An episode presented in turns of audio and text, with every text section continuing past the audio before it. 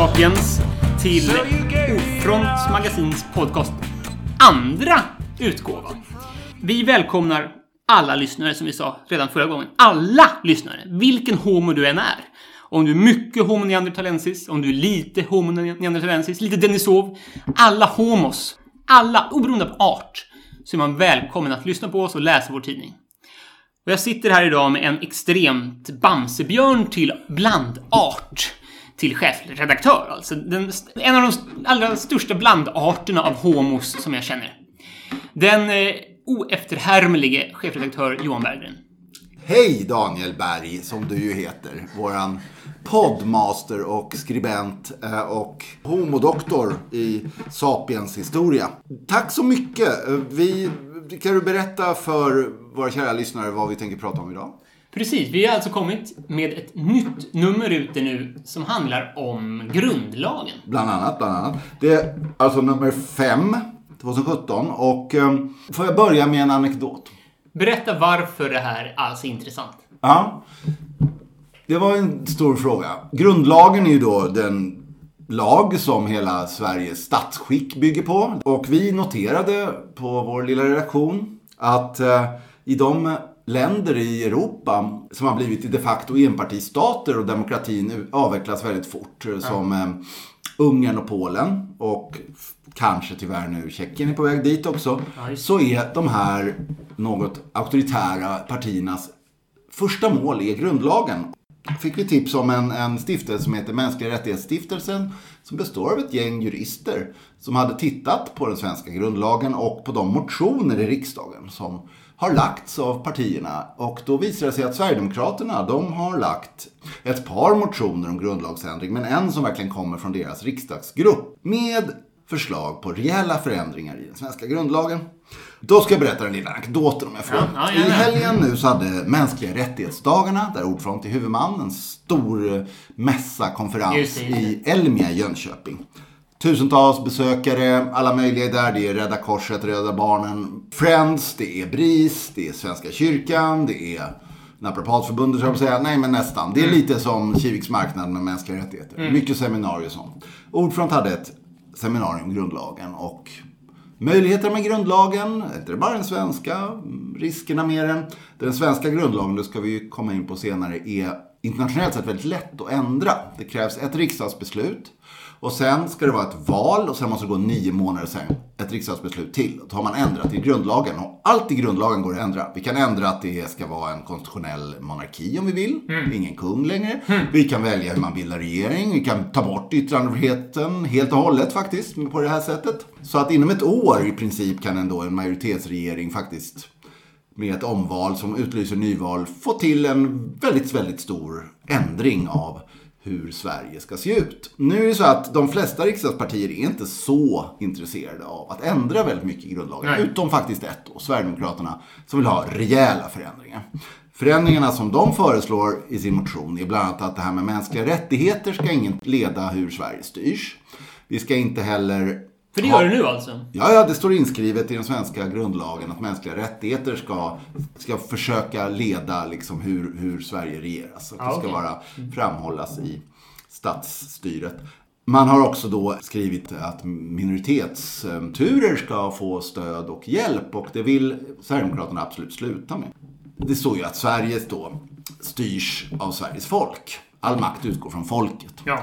Det vill Sverigedemokraterna ha tillägg till. De vill nämligen att det ska vara så det svenska folket. Och sen vill de ha, som de skriver, en berättelse om det svenska folket. Man ska helt enkelt definiera vilka det är som ska styra Sverige. Och det misstänker jag är etniska svenskar och andra ska då skrivas ut från den här kollektivet som ska styra Sverige. Mm. Ehm, och då det Fredrik Eriksson och Jonas Millard heter riksdagsmännen från Sverigedemokraterna som har skrivit under den här motionen. De har en lite förklaringar och inlindningar av det här. Men jag skrev i alla fall en artikel i min tidning här då, Ord från Magasin nummer 5 om detta. Där jag då också berättade om Sverigedemokraternas många eh, och kraftfulla stöduttalande till utvecklingen i Ungern och Polen.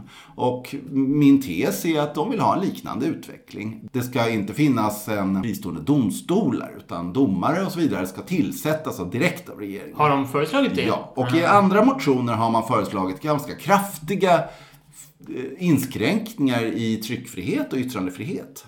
Eh, det värsta var väl då hon, hon som senare mera blev kickad på grund av sin uppenbara antisemitism, Anna Hagvall, som tyckte att ingen etnisk grupp ska få äga mer än 5% av svenska medier. Hon siktade in sig då på eh, Bonniers som hon då tror menar är judar, vilket de inte varit på ett par generationer egentligen. Hur äger men... en etnisk grupp? ja, och då, hon skrev inte heller om svenskar anses vara en etnisk grupp som inte ska få äga mer än 5%. Men det var i alla fall, hon pratade ju också väldigt mycket om då precis som man gör i Ungern om utländska kabaler som styr medierna. Och eh, mm. Det är ju en hög radikal nationalistisk tråp att, att jo, jo, jo, medierna ljuger och eh, förvränger sanningen från då det äkta folket och så vidare. Anna Hagvall fick eh, faktiskt gå från partiet efter det här men det var ändå på något sätt en liten talande testraket av vad, hur, vilken respekt man har för den yttrandefrihet som man, när man inte är i makten, ropar väldigt mycket om. Mm. Men i, i Ungern och Polen ser man också hur blixtsnabbt yttrandefriheten inskränks. Det mm. finns böter för att säga saker om som regeringen. Och då på den här seminariet så var då Anette Pettersson från Demokratiakademin, en del av Ordfront, hade pratat om det här eh, med grundlagen med några andra eh, kunniga jurister och så. Och efter en mycket välbesökt seminarium, fullsatt sal, efteråt så kom en man fram till henne. Han var mycket upprörd. Han vill säga varför sprider ni de här lögnerna hela tiden om Sverigedemokraterna? Ja, så säger du det, sa Anette. Vad menar du då? Ja, men det här med att vi vill ändra grundlagen emot mänskliga rättigheter. Jo, förstår du, sa hon, hur... det är ju sant. Ja, det är fake news. Jag är själv sverigedemokrat, sitter i kommunalfullmäktige, vi ska inte säga var, för någonstans i Jönköpingstrakten. Och han menade att varför ljuger de? Vad vill de ha hon mycket bekvämt kunde visa den här tidningen där vi då också har facsimil mycket fint av det här riksdagsmotionen. Visat, men känner du då inte till vad ditt parti gör i riksdagen och vad deras visioner är? Mm. Det här är deras motion. Han blev mycket förskräckt. Så sverigedemokrat han var. Han, som organiserad sverigedemokrat, hade inte förstått hur radikalt hans parti är, vilken vision de har för Sverige. Och då tänkte jag att det kanske är bra att berätta det för flera. Om, mm. För om inte ens Sverigedemokraterna själva vet hur radikalnationalistiska de är så är det väl bra att skriva om det här. Jag skulle också vilja påpeka att vi skrev, det, det blev rätt mycket en valupptakt det här numret. Va? Det handlar om valet 18. Va? Där man första gången kan då ett, ett radikalnationalistiskt, ett, ett extremhögerparti komma till regeringsmakt. Kanske inte på egna ben men Eftersom andra högerpartier som Moderaterna och Kristdemokraterna har småflörtat lite så finns det en reell risk att de tar sig till någon sorts ministerposter. Eller kanske i alla fall till en, en tyst stödparti som får igenom saker och ting. Ja. Det finns det fler än vi som har varnat om, men då tog vi lite tempen här på den radikalnationalistiska rörelsen som då Sverigedemokraterna är en del av, den stora starka delen. Sen finns det ju då massa nättidningar och det finns eh, intresseföreningar, säga. det finns sajter och våldsamma delarna ja. som är Nordiska motståndsrörelsen till exempel. Man har ungefär samma världsbild och man har liknande mål. Sen så har ju då Sverigedemokraterna, kan man säga, de har uttalat inte ett revolutionärt mål. De tänker inte försöka ta makten med våld. Får man väl tro dem. Man ska alltid tro vad folk säger nämligen. Vi har en spännande liten artikel som går till den här, ja. om Sverigedemokraterna. De har en partiledare, han heter Jimmy Åkesson. Han, han är inte den som gör de flesta uttalandena som ni kanske vet. Det är de andra, det är Björn Söder och det är Jomshof och det är folk i riksdagsgruppen eller starka inom partidistrikt som kommer med de vågade uttalandena. Mm. Så när Jimmy säger något, då vet man att det här är kungsord. Det är mitten av Sverigedemokraternas. Eh, och han, vi var, hade en utsände på hans besök hos den anrika och något ökända studentföreningen Heimdal i Uppsala. De är historiskt kända för sitt motstånd mot den så kallade judeimporten under andra världskriget. De har också tagit rejäla blåbruna steg till höger. De eh, har ju brutit med bland annat Fria Moderata Studentförbundet som jag antar att de tycker är för liberala. Mm. Och de hade då bjudit in Jimmy Åkesson att tala. Mm. De har bjudit in massa folk att tala med. Jimmy Åkesson, ja, det var länge sedan en, en ledare för ett radikalnationalistiskt parti klev in i de konservativa studenternas och akademikernas anrika salong. Men det gjorde de nu, gjorde han nu och ska inte säga att han inte blev motsagd. Det blev han tydligen en smula. Men eh, väl mottagen och välkomnad och på sätt och vis är det bra. För då får man chansen att höra vad han har att säga. Mm. Och vad han sa till dessa konservativa elit får man ju ändå säga. Det här är de som kommer att leda den konservativa rörelsen i framtiden och redan till viss mån gör det. Han lovade Sverigedemokraternas mandat till en konservativ koalition. Han menade att moderater och kristdemokrater kommer inte kunna locka arbetarröster. Men det kan Sverigedemokraterna. Och han lovade dessa mandat till en regering med moderater och kristdemokrater. Mm. Ja, så det var intressant. Vi ska kanske återkomma till det. Han blottar nästan sina kort där. Ja, vi kan säga så här. Vad Jimmy Åkesson och Sverigedemokraterna har gjort under 2017 är att de har fått en snuff på makten. Mm. Bara, ah, den goda lukten från Moderaternas bullbak. Moderaterna tog ju ett litet snedsteg närmare under Kinberg Batras sista skakiga dagar också. Kristdemokraterna har flera gånger sagt att jo, men vi ska ju inte samarbeta. Det här är ju prata med mm. liksom. Ebba mm. Busch mm. Thor skulle ju gärna vilja säga rätt ut ja. att hon gärna vill luta sig på dem. Men hon står ju och dansar på 4% spärren, linjen. Va? Så att det är från månad till månad. Men de har känt lukten från makten. Och därför har de, går de gått ut och sagt ja, vi vill ha en konservativ koalition. De har låtit Svenskt Näringsliv skriva deras ekonomiska program. De har gått emot socialdemokratiska, miljöpartistiska regeringen i flera omröstningar som skulle ha inneburit bättre ekonomiska villkor för LO-kollektivet. Bland annat förra året så var de ju emot att lagen som skulle säga att all offentlig upphandling måste gå till företag med kollektivavtal. Vilket naturligtvis skulle hålla lönerna uppe i Sverige för arbetarkollektivet. Men det gick de emot. Och det gjorde Socialdemokraterna en ganska stor grej av. Och denna makthunger har lett dem till att, att visa ja, vi är ett konservativt parti, även ekonomiskt. Och även en eh, författaren, och journalisten på Tidholm, vi recenserar hans bok Läget i landet. Han framhåller det att hade han lett ett populistiskt parti så skulle han åkt runt i glesbygden och lovat dem nya jobb, satsningar på centrum där, se de arbetslösa och de lågbetalda ute i glesbygd och småstäder. Så precis som, som, som Jimmy Åkesson vet och säger, han lovar dem röster från arbetarkollektivet. Det är där många av deras röster är. Men med deras praktiska politik så sviker de dem nu. Man blottar mm. på sätt och vis sina kort i att man går inte en konservativ ekonomisk politik till mötes, man går en liberal ekonomisk politik ja. till mötes. Men vill ha utbyte från Liberalerna ja. en konservativ värdepolitik. Just det, och då öppnar man på något sätt två motsägelsefulla fronter. Högerns problem. Ja, och eh, av samma anledning till att få människor i LO-kollektivet, som kallas arbetarklassen, rösta på Moderaterna.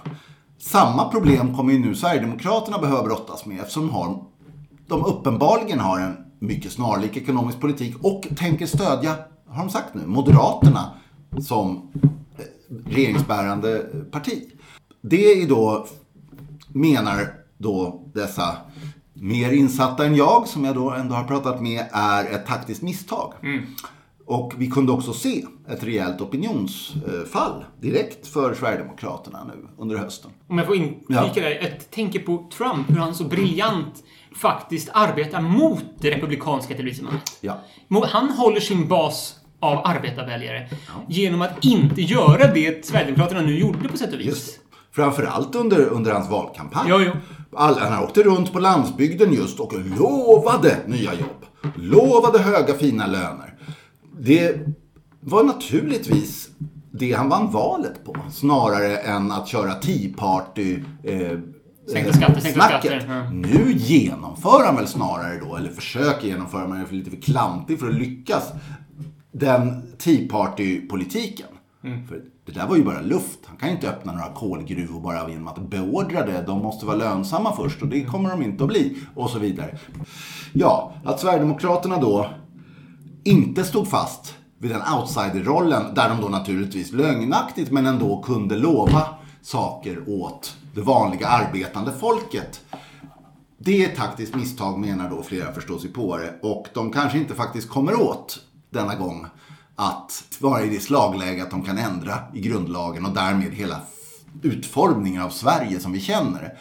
Däremot, vad folk påpekar också, att om det blir ett liberal, liberalt maktvinst där Socialdemokraterna samarbetar med kanske Centern och Folkpartiet. Mm. Men då får vi en ekonomisk politik som kommer att öka missnöjet ännu mer. Och då är nästa val snarare slagläget för Sverigedemokraterna om de lyckas återta den här tredje positionen som de då fram till i år så framgångsrikt har tagit. Just det.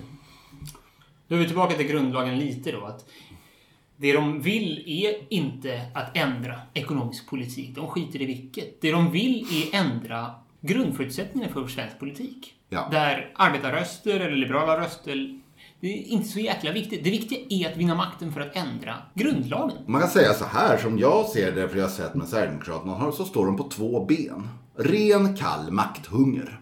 Och två, en stark, stark önskan att etniskt definiera Sverige och svenskarna. Man vill ha, och det står också väldigt tydligt i det här grundlagsändringsförslaget, en berättelse om det svenska folket och dess ursprung och dess värderingar och dess tillhörighet. Och då pratar vi en etniskt definierad grupp som ska bestämma över Sverige. Och det här är deras, det är deras politiska vision. Det är det viktiga. Det fick mig att tänka väldigt mycket roliga saker när jag läste numret. Jag rekommenderar det verkligen. Det här att de inte väljer att skriva in i grundlagen att definiera svenskarna, utan de pratar om att det ska vara en berättelse om. Det är ju någonting man stöter på i akademin eh, från poststrukturalistiskt håll, att det inte finns någon essens. Allting är diskurs. Och här har vi då alltså Sverigedemokraterna har en djup förståelse för identitetspolitikens spelregler under 2000-talet. Ja, Man kan de... inte hänvisa till ras, men inte heller till en fast kultur. Nej. Utan det är en berättelse om en kultur. Ja, och det här är ju då, kan man väl säga, tappet man gör som radikalnationalist när man går från ras till kultur. Därför att back in the day så fanns det ju då en, en totalt felaktig men ändå en kvasivetenskaplig, till och med på din, den tiden, vetenskaplig definition på vem som tillhörde ett folk, rasen. Och man mätte skallar och det var längdmått och det var ögonfärger och det var hit och dit. Va? Den har man lämnat. Man har inga ben i någon fast sanning längre. Och kultur är som ju vilken kulturantropolog som helst på A-kursen vet är ju bara berättelser. Svenskheten är ständigt föränderlig. Den finns där, men den har inte fasta gränser. Man kan väl säga att, att liksom rent filosofiskt, att diskutera kring Sverigedemokraternas diverse visioner, ideologier, uttalanden och, och sätt att förhålla sig till verkligheten blir väldigt intressant. Men har väldigt starka motsägelser. Ja. Bland annat är det då de här definierade etniska grupperna. Man har ju till exempel en uppfattning om att, att vara muslim är en essens. De man pratar ju om det, det är så jobbigt att det föds så många muslimer i Sverige. Därför att de har ju tydligen då medfödda egenskaper. Det är ingen berättelse där liksom. Nej, där är inte en berättelse. Där är väldigt fast och det liknar ju rätt mycket en rasbeskrivning när den är medfödd och dessutom följer med till nästa generation efter det. Va? Samtidigt så finns det en berättelse om svenskhet som är mycket flytande. Och hur man transagerar för de olika grupperna är ju helt, mycket, väldigt, väldigt oklart. Samtidigt har ju då motsägelsen att i de här svenska värderingarna som de vill ha en berättelse om så ingår tolerans, religionsfrihet, öppenhet, yttrandefrihet. Alla saker som i sig borde kunna inkludera en, någon sorts muslimsk identitet. Och alla saker som de uppenbarligen genom sina konkreta förslag vill motverka. Mm. De vill inte ha öppenhet. De vill inte ha värderings och åsiktsfrihet. De vill inte ha tolerans och religionsfrihet. Men berättelsen ska vara det. Precis. Så, och det här är ju väldigt, man, man blir alltså yr i huvudet. Det var så spännande det du skrev här att de är väldigt mycket för att assimilera. Just. Nej, men Ta in och assimilera in i Sverige, men samtidigt De- så lägger de förslag på att separera. Ja. Det där, den eh, paradoxen skulle man då, I det vilja här förstå. grundlagsändringsförslaget har vi då mycket kraftfullt. Minoritetsgrupper ska inte få stöd eller erkännas eller få hemspråk eller någonting. Alla utom de fem erkända svenska minoriteterna. Mm. Ja, de, de ska få det för att de är väl antagligen tillräckligt accepterade eller tillräckligt små. Vad vet jag. Det, det skulle kanske bara bli för anstötligt att säga att samer inte skulle få prata samiska. Jag vet inte. Hur som helst så har de ju då starkt krav. Det är inte integration som gäller. Det är assimilation. Ska du komma till Sverige ska du assimileras. Och enligt en kulturbegrepp så går ju det. Du kan flytta varifrån som helst från Sverige till Sverige och med en enorm ansträngning och försakning, glömma din gamla kultur, glömma ditt gamla språk, prata flytande svenska, fira midsommar, hela grejen. Du behöver inte göra blodtransfusioner, du, det är ju bara en enorm förställelseakt som ska till. Och det här är kravet på alla invandrare. Du ska dimpa ner från var som helst och så ska du bli assimilerad som svensk. I den här I berättelsen. deras, I deras idé. Samtidigt Som är en är alla berättelse deras konkreta förslag när det gäller invandrare en enorm segregation. Det senaste var att nyanlända, de ska gå i separata skolor. De ska inte gå i svenska skolor. Det är så fantastiskt. Ja, och då undrar man hur går det med integrationen, för att inte prata om assimileringen. Assimilation. Och de inte får umgås med några svenskar. De ska bara suga upp det ur luften. Och då kan man ju då tänka sig att de här som ska placeras tänkt i de här segregerade skolorna efter ett år eller tre kanske fortfarande inte pratar flytande svenska eller du vet fira midsommar jättemycket. Och då kan man peka på dem och säga kolla på dem. De kommer aldrig förändra sig. Vi kan inte ta hit dem. Så där har en enorm paradox i deras politiska väsen, ska man väl säga. Mm. Eller exakt som du uttrycker det nu, en, eh, som Marx skulle säga, en processande motsägelse. Ja. En motsägelse som är dialektiskt verksam för att föda fram Mm. Sverigedemokraterna som syntes. De vill alltså föra en politik som tar samhället till en situation där deras stora ämne, missnöje med invandring, blir mer och mer aktuell. Så ja, det är ju väldigt cyniskt logiskt på något sätt. Ja, Sammanfattat som vi för en berättelse om svenskarna som toleranta och invandrarna som assimilerbara och för en politik som inte alls talar om tolerans och inte alls vill införa tolerans samt försöker att separera ut de Ja. som ska. Så det här är de två huvudsakliga motsägelserna. Mm. Det, det, här är väldigt fascinerande. Och det här yttrar sig då i deras förslag Ja. väldigt tydligt i, om grundlagen. Och sen då har vi den tredje stora motsägelsen. är att man anser att man vill bevara Sverige och de svenska värderingarna. Samtidigt som ens förslag på det absolut svenskaste som finns, det som definierar Sverige som stat, grundlagen, är radikala förändringar. Ja. Så de, det, det Sverige man är vänner till, det är inte det Sverige folk känner. Ja, det är också en super, super kul eh, paradox eller motsägelse. Som historiker, jag är ekonomhistoriker och fascineras alltid över den här längtan till historia som vore det någonting att bygga på som grund. Ja. Är det någonting som utmärker vår historia så är det att den bara, den förändras hela tiden beroende på hur vi forskar om historien. Ja. Och historien är inte en monolit, utan vilken svenskhet, vilken svensk Ja. historia ska vi återvända till? Är det 1700-talets Vems svenskhet?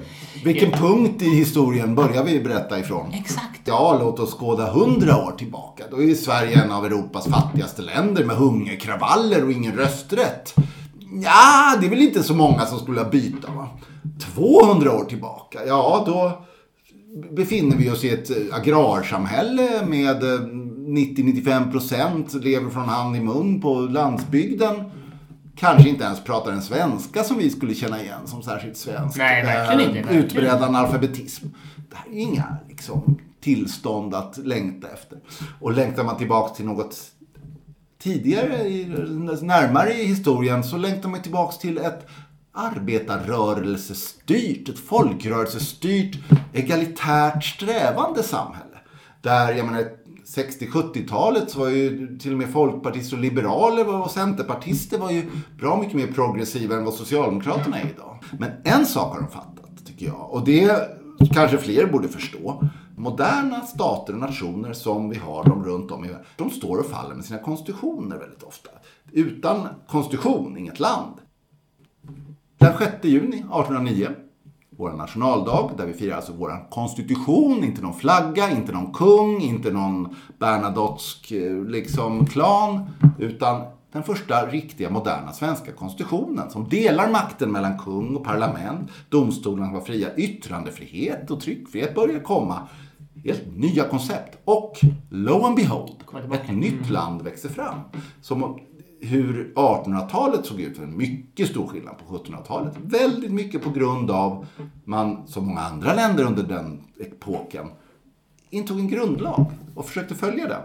Sen har den ju ändrats och man har applicerat olika saker. Men det är ändå någonting väldigt avgörande. Mm. Och lyckas man ändra en grundlag, då har man, då har man ändrat på saker och ting. Ja.